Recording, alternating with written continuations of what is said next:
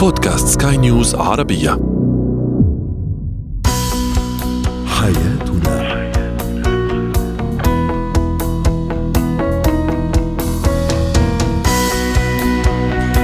مستمعينا الكرام أهلا بكم معنا إلى حياتنا. فضاؤكم اليومي الذي يعنى بشؤون الأسرة وباقي الشؤون الحياتيه الاخرى والذي يمكنكم الاستماع إليه.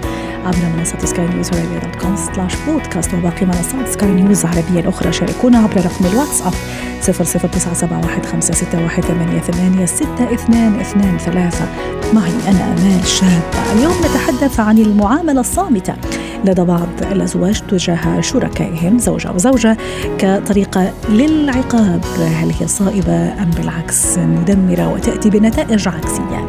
كيف أتعامل مع سخرية الطفل من الآخرين؟ وأخيرا إتيكيت الانتقاد. هو وهي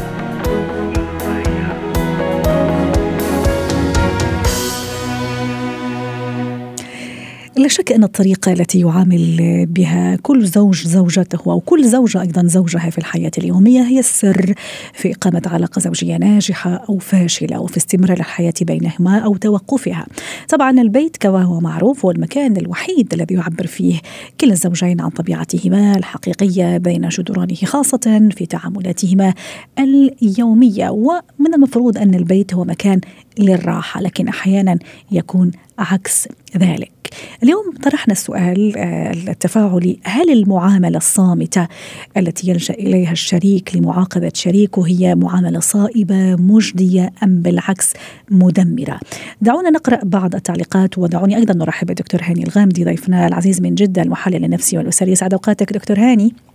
في بعض التعليقات وصلتنا آه، ردا على سؤالنا التفاعلي. تعليق يقول لا طبعا تأتي برد فعل عكسي أيضا فؤاد يقول لا وألف لا وأحمد يراها طريقة مجدية جدا ويقول إنها أفضل من الضرب والشتم ومها مها عفوا تقول إنها طريقة مدمرة وتأتي بنتائج عكسية دكتور هاني silent treatment أو المعاملة والعقاب أو يعني الأسلوب اللي يلجأ إليه بعض الأزواج الزواج بعض الزوجات ك يعني علاج بين قوسين بالنسبة لي وبالنسبة لها لاحتواء الوضع أو عقاب الشريك لأنه يعني عمل شيء لم يرضي الطرف الآخر. هل هي صائبة؟ هل هي مجدية؟ أم بالعكس تأتي بنتائج عكسية؟ لو وسهلا بك سيدة أمال وبكل المستمعين والمستمعات الأكارم. أنا ما بتكلم معكم اليوم. يعني نودعك ولا كيف؟ انضرب الهواء. يعني زي ما راح تنضرب بالحياة الزوجية. هذا هذا اللي حابب توصله يا دكتور. وضعتكم بالحيرة بمعنى إنه لاحظي رد الفعل يا آمال. لما يجي شخص زوج زوجة ويكونوا جالسين مع بعض. في عندهم جزء من العقاب اللي إحنا ربما ما استناه اليوم بطريقة فني إنه الطرف الآخر يفضل جالس طب أنت إيش تبغى؟ طب حتكلمني ولا ما حتكلمني؟ طب صح. هو بخصوص إيش الموضوع؟ طب هو أنت زعلان من إيه أصلا؟ صح. طب هو إيه إيه اللي حاصل؟ طب هو في إيه بالضبط؟ ويفضل يتساءل والطرف الثاني يشتغل في تعذيب بإنه هو ولا شيء. بعد عني ما بتكلم. شكرا. وربما يت... يروح لأوضة ثانية ربما يترك البيت ويروح يغيب ويرجع بالليل وهي جالسة فاتحه فاتحه أمها مش فاهمة إيش الموضوع. اذا هذا العزل يعتبر نوع من أنواع العقاب النفسي. جلد هو نفسي أنا أسميه جلد نفسي. طبعا اذا بالتالي يقع الطرف الآخر في هذه الحيرة. اللي اللي نحتاج نتكلم عنه اليوم السؤال إذا كان الأمر عقاب فحتى المولى عز وجل جعل إنه الهجر في المضجع عقاب بمعنى إنه أهجر هذه المرأة أو هي تهجرني للمعلومية بمعنى إنه في الآخر في جزئية عدم رضا وبالتالي هو جزء من العقاب. إذا طالما هو جزء من العقاب تعال يا سيدي وتعال يا سيدتي ليش نستخدم هذا الأسلوب كمعاقبة للطرف الثاني؟ بينما الطرف الثاني أصلا ما سوى شيء أو حتى لو سوى شيء. أليس من الأولى؟ بأن إحنا نجلس على طاولة النقاش ونتفاهم ونصل إلى نقطة التقاء ولا هي العملية تجهم مستمر. يا أمال يا أختي وكل من يسمعنا. والله الذي لا إله إلا هو عندي عشرات المئات من القضايا بتجيني بأنه هذا الزوج يجي من العمل صامت بالليل صامت ثاني يوم صامت ووقت ما يحتاج إلى أمر معين في الحياة الزوجية يطلبها يلا نخلص هذا الأمر ثم يعود صامت. هل هذه حياة؟ هل يعقل أنه في إنسان بشر يعيش بهكذا طريقة أو آلية أو مخ ويجعل من هذا الصمت جلد زي ما تفضلتي وتعذيب مستمر؟ وفي الآخر يبغوا الناس ويبغوا البيوت ويبغوا البيوت الأسرية تكون متوازنه يقينا بالتأكيد لن تكون. دكتور هاني أنا راح أعطيك رأي. طبعا أنا ما راح أتبناه لكن يعني بعض الأشخاص اللي, اللي يعني يلجأوا لهذا النوع من العقاب آه، يقول أو تقول أنه أنا حاولت معه أو حاولت معها تكلمت ووضحت وشرحت أو تكلمت معه ووضحت وشرحت لكن في كل مرة نفس الخطأ يكرر ونفس الأسلوب يكرر فخلص أنا قررت إني ما أحكي أو أعاقبه بالصمت أو أعاقبها بالصمت. لعل وعسى تتدارك الأمر أو يتدارك الأمر. احسنتي إذا كان الأمر بأنه أنا شرحت ووضحت وكنت على ذلك القلب المحب في نقاشنا بالطريقة والأسلوب الناجع والكويس والمهذب واللي ما فيه شخصنه فحقيقة في هذا الوقت أنا ممكن أني أستخدم هذا الأمر كعقاب ولكن ليس كعقاب مطول إنما أنا زعلان منها وخلاص خلينا نبعد عن بعض يوم يومين أو ما نتكلم أو أمد بوزي لو جاز التعبير وشوية أكون متقوقع مع ذاتي. لكن الإشكالية يا أمالي أختي هي ليست في موضوع أنه البعض يستخدم هذا الأمر كعقاب سواء كان هو على حق أو لم يكن على حق إنما يعتبر هذا الصمت شيء مستمر.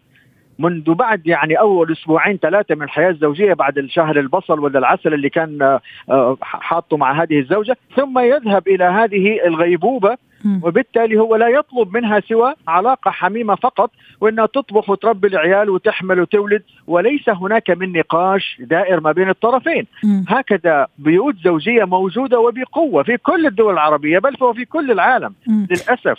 بس لكن حتى نتفق أيضا دكتور هاني معليش يعني أنا حابة أفتح قوس. يعني الرجل اللي يلجأ للصمت كعقاب أو المرأة أيضا اللي تلجأ للصمت كعقاب هو مو شرط يكون رجل صامت ومو شرط هي تكون زوجة صامت يعني ممكن هو يكون عادي في الأيام العادية شخص عادي يمارس حياته بشكل عادي محاور يتحاور لكن لما يجي وقت يعني رد الفعل لما ما يعجبه السلوك أو ما يعجبها السلوك تروح لهذا النوع من العقاب أنا بس حبيت أفتح قوس حتى يعني أوضح إنه مو شرط هو بطبيعته صامت يعني يمارس هذا طيب. الصمت اليومي زي ما تفضلت طيب خلينا نقول حاجة. وحقيقة هي من أسوأ ما يتم. حقيقي هي أمر مستفز يا أمل. م. يعني آه، كل من يسمعنا اليوم أنا أنت أو من المستمعين والمستمعات الأكارم آه، الشخص اللي يكون موجود معايا كشريك ويجنني بحتة إنه هو ما يرد علي أو ما يكلمني أو يمد بوزه علي أو يتجهم حقيقه هو تعذيب.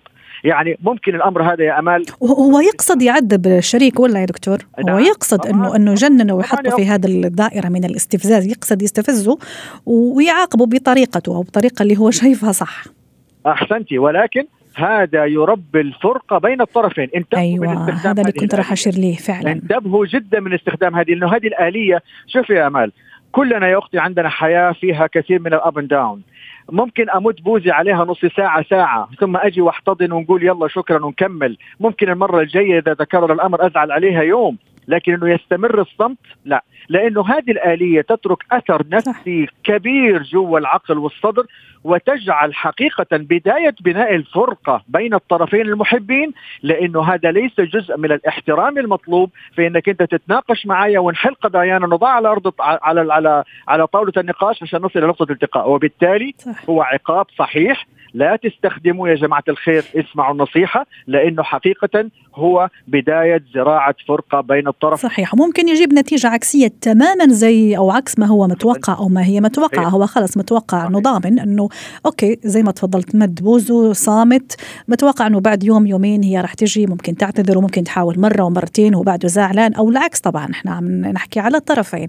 لكن ممكن آه، يكون عنده رد فعل عكسي تماما خلص هو أيضا يدخل في هذا الدائرة. أنت صامت؟ okay أنا كمان كمان راح أصمت انت صامته أنا كمان راح أصمت وفعلا يدوم هذا الصمت ويتحول هون للخرس الزوجية. دكتور حتى نختم مع حضرتك. احسنتي مضبوط كلامك يا سيدتي وبالتالي انتبهوا يا أحبتي من استخدام هذه استخدمها مرة اثنين ما فيش مشكلة. بس تكررها كل يوم والثاني كل أسبوع والثاني كل شهر والثاني ترى حتقرفنا في حياتنا حنبعد عنك مش حنحبك ونبدأ نكرهك ونبدأ نشوف التخطيط كيف ننزع نفوسنا من هكذا حياة مع هذا الشريك. شكرا لك دكتور هاني الغامدي أسعدتنا أنت اليوم بحضورك وهذه مشاركتك ضيفنا العزيز من جدة يعطيك العافية.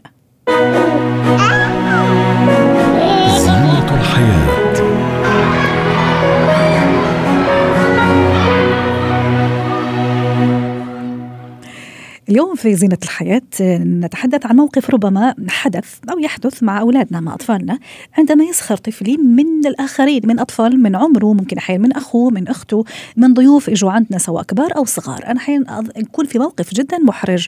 وبعدين هي مش من أصول التربية وتكوين الطفل يعني على الأدب والاحترام واحترام الآخر. لكن كيف أتعامل مع طفل ربما ما عنده هذا الإدراك الكبير خاصة في سنوات الطفولة الأولى؟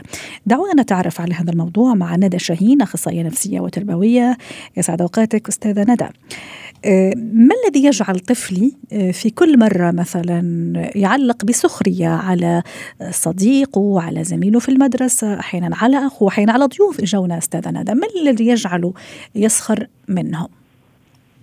أهلا بك يا حبيبتي. أهلا وسهلا. أهلا. في بعض العوامل آه، اللي بتأثر اللي بتخلي الطفل عايز يسخر من الآخرين أو بتخليه يعني بيسخر. آه، أربع عوامل رئيسية. بتكون منها سخرية الأهل عن غير قصد أو عن قصد. يعني سخرية الأهل عنه هو ولا سخرية الأهل بشكل عام على آه. ناس تانيين وهو يكون شاهد على الموضوع؟ يكون غالبا بيكون سخرية الأهل عليه هو طريقة أكلته ومشيه عن غير قصد ساعات بيكون تصرف تصرف معين. أو دائما بيتصرف بطريقة معينة فبيسخروا منه ولكن هو بيبقى يعني بيخزن ده داخله وبيبتدي يعمل ده مع الناس التانية. جميل. برضو من العوامل اللي بتأثر برامج الكرتون والتلفزيون كتير منها بيبقى فيها بيظهر دور الشخص اللي بيسخر بصورة جميلة أو إن هو الشخص اللي الناس كلها بتخاف منه أو هو الشخص اللي ليه سلطة. فبالتالي بيخلي الطفل يحس إن هو لو هو سخر من الآخرين هيكون في موقف قوة. فدي من العوامل اللي بتأثر كتير والألعاب الإلكترونية كل ده بيخلي الطفل من الحاجات اللي عايز عايز يسخر من من اللي حواليه. آه. أنا راح أضيف آه شيء وكمان يا ريت تشاركينا رأيك فيه الأسباب، الموضوع الغيرة ممكن طفلي عم يغير من أخوه مشان هيك عم يسخر منه ويحاول دائما يبينه إنه هو أقل شانا أو يضحك على أي موقف يعمله ممكن من أصحابه ممكن من أقرانه من زملائه في المدرسة. ما رأيك أستاذة ندى؟ نعم طبعا الغيرة بيكون لها سبب أساسي وبيكون كنوع من أنواع لفت الانتباه. أو إن عايز اللي حواليه يتنافسوا معاه أو إن الأهل ياخدوا بالهم منه أو اللي حواليه يبقى هو اللي عليه السبوت وهو اللي عليه الموقف يعني بيدور حواليه هو فيبتدي يسخر من اللي حواليه. برضو تغيرات كبيرة لما بتحصل زي طلاق الوالدين أو ولادة طفل جديد. كل الحاجات دي برضو من ضمن الحاجات اللي بتساهم بشكل كبير في سخرية الأطفال من الآخرين. جميل. أستاذة ندى طفلي وهو عم يسخر من من من يعني خلينا نقول مثلا من أخوه ولا من أحد من أصحابه. هل عارف أنه هو عم يأذيه ولا هي مجرد يعني خلينا نقول سخرية أو مضايقة بريئة؟ وبعدين كيف يعني أوضع لها حد وما أخليها مع الوقت تحول لتنمر وتحول لطفل متنمر؟ نعم. في بعض الأحيان بيكون الطفل ما عندوش وعي تماما إن ده سلوك خاطئ خصوصا إذا كان الأهل بيتبعوا السلوك ده معاه صح. فبيشوف إن ده أمر طبيعي. أو يشوف الأهل أيضا مع بعض أو العائلة مع بعض تتبع نفس الأسلوب. نعم. م. فلأن من التوصيات المهمة أن الأهل يعني يدركوا أن أسلوبهم مع أبنائهم أو مع اللي حواليهم هينعكس على سلوك أبنائهم مع الآخرين لأن أولادنا عبارة عن مرآة لأفعال الأهل. صح. من التوصيات برضو إن السخرية أو المضايقات دي بتكون بتحول الطفل زي ما حضرتك قلتي المتنمر. ف... فبالتالي لازم ال... يعني ندرب الطفل إزاي يقدر يتحكم في المواقف المختلفة وإزاي لما ألاقي طفلي سخر من حد تاني إزاي أتكلم معاه بطريقة هادية وأفهمه إنه هذا السلوك خاطئ. حضرتك وضعتي الإصبع على الجرح مثل ما بيقولوا. إذا أنا شفت ابني يكرر كثير هذا السلوك وأحيانا يتلذذ يعني ويضحك ويكون مبسوط. لما يعمل هذا السلوك يسخر من أخوه من يعني واحد من, من الأشخاص حتى واحد كبير تصوري ممكن. أيضا بعفوية ممكن حتى يقول هذا السخرية قدام هذا الكبير ممكن يحرجنا. آه، أنا كيف أتعامل إذا بدر منه هذا السلوك؟ هل أروح أسأله مثلا آه، هل أوقع عليه نفس السخرية حتى يحس نفس الإحساس اللي يحسه أخوه مثلا؟ أعطيني كده طريقة تربوية صحيحة حتى تحتوي الطفل تحتويه وكمان ما تعقده بين قوسين وفي نفس الوقت تخليه شوي شوي يعني يبتعد عن هذا السلوك. مهم قوي إن أنا ما أسخرش منه ما أتعاملش بنفس الأسلوب بس آه، مهم إن أنا أقول له إحساسك إيه لو حصل معاك نفس القصة دي؟ يعني لو حد جه سخر منك وقال لك نفس الكلام اللي أنت قلته للطفل الآخر. فأحسسه باللي هو عمله بس بالكلام مش من أنا أسخر منه أو إن أنا أقول له. كمان جميل. مهم إن هو آه، لازم يبقى عارف إنه إنه ده موقف خاطئ وابتدي أتكلم معاه لحد ما يوصل إن هو ينطق يقول إنه نعم أنا فعلا غلطت وده كان خطأ. مني إن أنا أتعامل بهذا الأسلوب. ولما يوصل لنقطة إن هو قال ان هو ده خطأ طب لازم تحل المشكلة. إذا عملت آه، احرجته قدام الآخرين أو سخرته قدام الآخرين يبقى إزاي تروح تعتذر له قدام الآخرين؟ إزاي تروح تجيب له هدية لو هو مش قادر يعتذر؟ طب خلاص لازم تجيب هدية وتروح تديها له وتقول له دوت علشان أنا عملت معاك الموقف ده أو إن أنا لازم ما نعديهاش كده أو إنك أتكلم معاه أو أعاتبه خلاص لازم يكون في حل جميل. عملي منه آه، من الموقف اللي هو عمله ده يكون في رد فعل. جميل. أستاذة ندى آه، إلى أي درجة أيضا ضروري كثير إني أفهم ابني آه، إنه هو يختلف عن الآخر والآخر يختلف عنه في أشياء كثيرة في الكلام في طريقة اللبس في الشكل. يعني في اختلافات لأنه أحيانا مش أحيانا يعني بشكل كبير يعني السخرية تيجي من هذا الشيء لأنه فلان لابس هيك أو لأنه فلان شكله هيك أو لأنه فلان آه، طريقة أكله هيك فموضوع التعايش موضوع تقبل الآخر آه، هل أيضا هذا مهم في طريق العلاج وفي طريق إنه أخلي ابني يتخلى عن هذا السلوك؟ طبعا مهم جدا ان أنا أزرع جوه دماغ الطفل إن الاختلاف ده أساس الحياة إن إحنا الأشجار حوالينا شكلها مختلف إحنا ذات نفسنا الأم والأب مختلفين أخواته مختلفين عنه. في كمان ناس مختلفين عن عننا بشكل آخر سواء عندهم اختلافات في الشكل في عندهم أمراض معينة فلازم يكون عنده تقبل إنه أنا ما ينفعش أتكلم على حد في طريقة أكله طريقة شربه طريقة مشيته طريقة كلامه.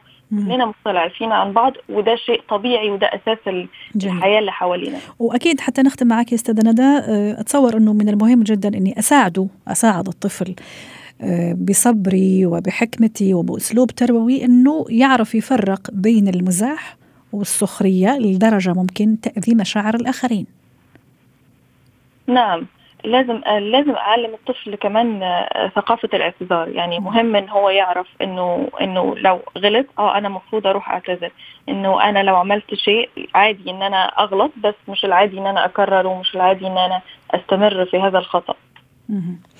شكرا لك أستاذة آه، ندى شاهين أخصائية النفسية والتربوية ضيفتنا العزيزة ويعطيك العافية. مهارات حياة.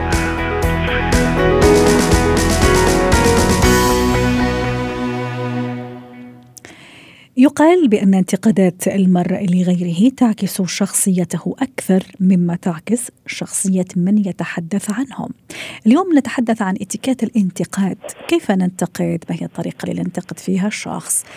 آه، للحديث عن هذا الموضوع آه، رحبوا معي بسارية الخير خبيرة الاتيكات والسلوك الاجتماعي سعد أوقاتك أستاذة سارية يسعد أوقاتك يا أهلا وسهلا هل صحيح أنه ميل الشخص لوصف الآخرين أو انتقاد الآخرين حتى بعبارات إيجابية. هو مؤشر أولا على إيجابية أوصاف هذا الشخص بحد ذاته واستقراره وتوازنه النفسي والعاطفي. هل هذا صحيح؟ أول شيء بدي أقوله إنه الإنسان أول شيء كان يخاف من موضوع إنه الناس تنتقده لأنه كان من زمان قاعدين قبائل وناس. فإذا حدا انتقد الآخر حينبذ وحيكون بعيد. فكان دائما الشخص المقابل يسعى إنه يكون مرضي من الجميع. اليوم مثل ما حضرتك تفضلتي ابدا مثل ما الشخص الإيجابي بيكون حواليه ناس إيجابيين وبينشر الإيجابية حواليه، كمان الشخص السلبي بيحاول ينشر السلبية من خلال إنه ينتقد الآخر. م. فاليوم فعلا تماما هو صفات الشخص اللي عم يحكي أكثر من صفات المقابلة. جميل. هون بقى الإتيكيت بيتدخل إنه المفروض الإنسان إذا بده ينتقد لازم يكون شخص كثير قريب ممنوع إنه أنا أكون شخص عادي بحياة شخص عادي اذا أنتقد لأنه يعني كلياتنا بشر بالنهاية. هذا الانتقاد إذا ما كان أكيد شروطه إنه يكون أول شيء بناء ثاني شيء إنه أنا أكون اثني على الشخص بعد ما اعطيه اليوم مثلا إذا حدثك لابسه فستان أخضر وأنا ما عاجبني. يمكن انت عاجبك بتقول لك بتعرفي اللون الأزرق بيلبق لك أكثر. أنا اليوم لابسة فستان off white. already أنا شايفته. يعني فهذا اللي بدي أقول لك. أحيانا الكلمة الحلوة إذا أنت بدك توصلي معلومة لأنك حابة الشخص اللي قدامك غير إنك أنت بدك تنتقدي اللي تنبذيه مثل أيام زمان القبائل وهالشغلات جميل. نحن اليوم بصدد إنه نقدم الاستشارة ونقدم الشيء الحلو. لما تطلب مني رقم واحد. اثنين إذا كنت قريبة بشكل إني أنا بدي أر... بدي أعطيها أو أعطيه الصفة الحلوة أو الشيء الحلو ليلفته أو لحتى يعمل عليه. والشغلة الثالثة إني أنا ما أتدخل زيادة عن اللزوم. أعطي رأيي وانسحب حتى ما ينحسب علي أنا نفسي. مم. آه، سارية إلى أي آم، حد أو درجة تشوفي أنه لما أنتقد ما أنتقد الشخص لشخصه لكن أنتقد الموضوع ها؟ ما أنتقده هو ك ك ك كسارية مثلا. أنتقد الموضوع اللي الحديث يدور عليه مثلا. صحيح. لما أنت بدك تنتقدي بيكون عندك حجة. فهي من اتيكيت الحديث. لما انت بتتحدثي اليوم للأسف نحن لما عم ناخذ آه، يعني أخبارنا عم يكون من شغلات ممكن تكون موثوقة ممكن ما تكون موثوقة. نحن. بنعرف هذا الشيء. كثير إجانا مثلا من ال social media من أخبار مه... فأنت أول شيء بدك تنتقدي شخص أو تنتقدي حديث أو تنتقدي آه، موضوع عام لازم يكون عندك الخبر اليقين أو بتقولي أنا وجهة نظري صح. هيك. من دون ما تجرحي الآخرين. ممتاز. نحن عم نقع بهي الأخطاء وبالاتيكيت ممنوع إني أنا أنقل إشاعة وانقل خبر من دون ما أكون واثقة منه. فما بالك إذا أنا بدي أكون ضد الرأي الآخر وكمان ماني متاكده وأيضا أمام الملأ أيضا لأنه النق أو الانتقاد المفروض إنه يكون بينك وبين الشخص وبين الطرف الآخر وممكن تفادي الانتقاد والملاحظات أمام وبعدين أنا بحب. يكون الشخص قريب لحتى ينتقد. اليوم لما أنت بتكون شخص قريب وعرفانة إني قلبي عليكي وعرفانه إنه أنا عم بنتقدك لصالحك وهذا النقد بالنا- مقبول. بس أنا ما بعتقد إنه يعني ممكن اقبل نقد هيك لمجرد النقد. مم. لا إنه بناء ولا إنه بيني وبينه ولا إنه شيء. فاساسا هذا ما له اتيكيت صحيح. وحتى إذا كان انتقاد سارية آه، أيضا م- من الضروري من الواجب اختيار وانتقاء الكلمات الموجهة للنقد اختيار سليم. لأنه كلمة عن كلمة تفرق. ممكن أنا أوصل أوصل لك انتقاد لكن بأسلوب طيب وهادئ. تماما ونبرة هادئة واختيار كلمات يعني ما- أحسن مني ما- تكون هجومية مثلا. تماما أنا بدل ما أقول إنه هذا الحكي آه، آه، غلط أو بدل ما أقول إنه هذا اللون مو لابق لك أو بقول مثلا اللون الأزرق ألبق لك، اللون الاحمر ألبق لك، أو ممكن مثلا أقول إنه آه، هذا الحديث أنا ماني متأكدة من صحته بس أنا موافقته الرأي لأنه منطقي مثلا، رائع. أنا وبعدين هي كمان تدخل بإتيكيت إنه accept the others سارية أيضا آه، يعني ما أعرف أنا أشوف لما الواحد يبتدي ينتقد أو يوجه انتقادات معينة لا لا على شيء معين إلى أي درجة أيضا مهم أني أبتدي بالأشياء الإيجابية آه، بالشيء الإيجابي لهذا الموقف أو لهذا الشخص اللي عم أحكي معه ثم أروح بعدها للأشياء السلبية أو اللي أنا شايفتها سلبية بنظري طبيعتنا نحن البشر بنحب دائما الإطراء. نسمع الكلمة الحلوة يا. عيني عليك نسمع الكلمة الحلوة والإطراء فأنا ماني خسرانه في هذا النوع من النفس الإيجابية لحتى يكون شخص محبب ولبس بالحديث. يوم جميل بقول لك إنه يا الله شو لايق لك هذا اللون بس أنا بحب هذا اللون أكثر. انت بتقبليه كثير. يعني بتصيري لما بدك تفتحي خزانتك وتلاقي هذا اللون تتذكريني وتذكري آه والله هذا اللون لايق لي. أما لما قلت لك يي ابدا ابدا مو لايق لك هذا طب ليه؟ يعني دائما نحن وصلنا بتعرفي شو؟ نحن وصلنا لمرحلة كثير ضغوط الحياة حوالينا صح. لازم ننتقي كمان اللي حوالينا يكونوا. positive وأنا كثير بشجع هذا الموضوع طب سارية ما دام حكينا على الانتقاد خليني أحكي أيضا على ال- ال- ال- الاتيكيت التعرض أو الرد على الانتقاد إذا أنا انتقدت بطريقة آه، لاذعه مش كويسة أو حتى أيضا انتقدت بالطريقة اللي عم نحكي عنها. الآن المتوازنة كيف يكون لازم نحكي عن. التنمر كاملا هذا هي أهم ردة فعل إنه أنا أي شيء أي شيء آه، بي- بيسيء لي بعتبره دغري هو بيمثله ما بيمثلني. رقم واحد مشان أنا رده فعلي تكون صح.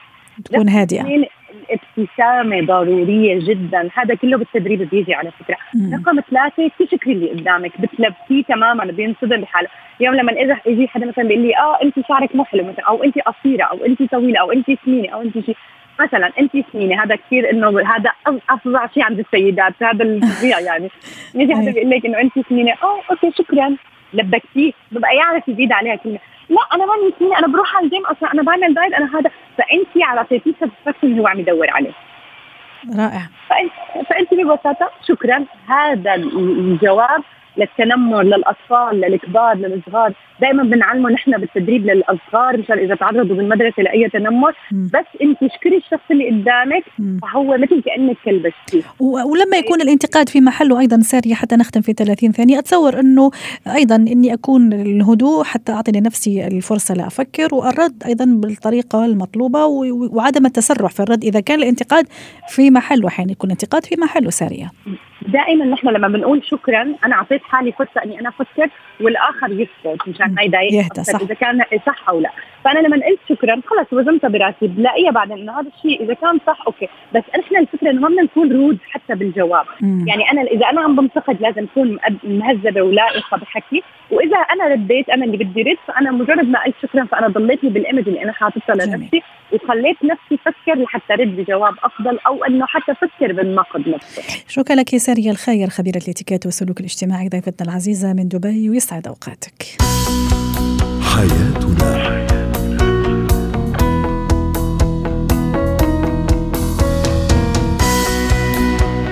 ختم حلقة اليوم من حياتنا. شكرا لكم وعلى اللقاء.